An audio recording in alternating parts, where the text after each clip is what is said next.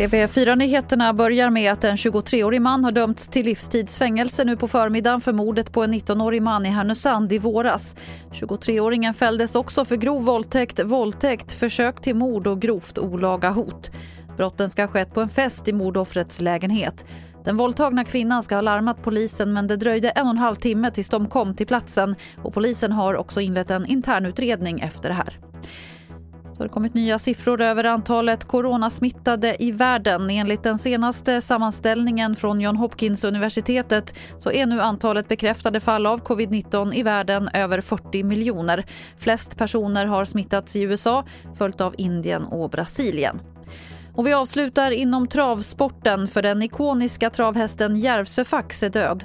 Under förmiddagen idag fick den 26 år gamla hästen somna in, det säger tränaren till svensk travsport. Kallblodsstjärnan Järvsöfax har vunnit titeln Årets häst, Årets kallblod, slagit världsrekord på Gävletravet samt kört in 21 miljoner kronor under sin karriär. Det var det senaste från TV4 Nyheterna. Jag heter Lotta Wall.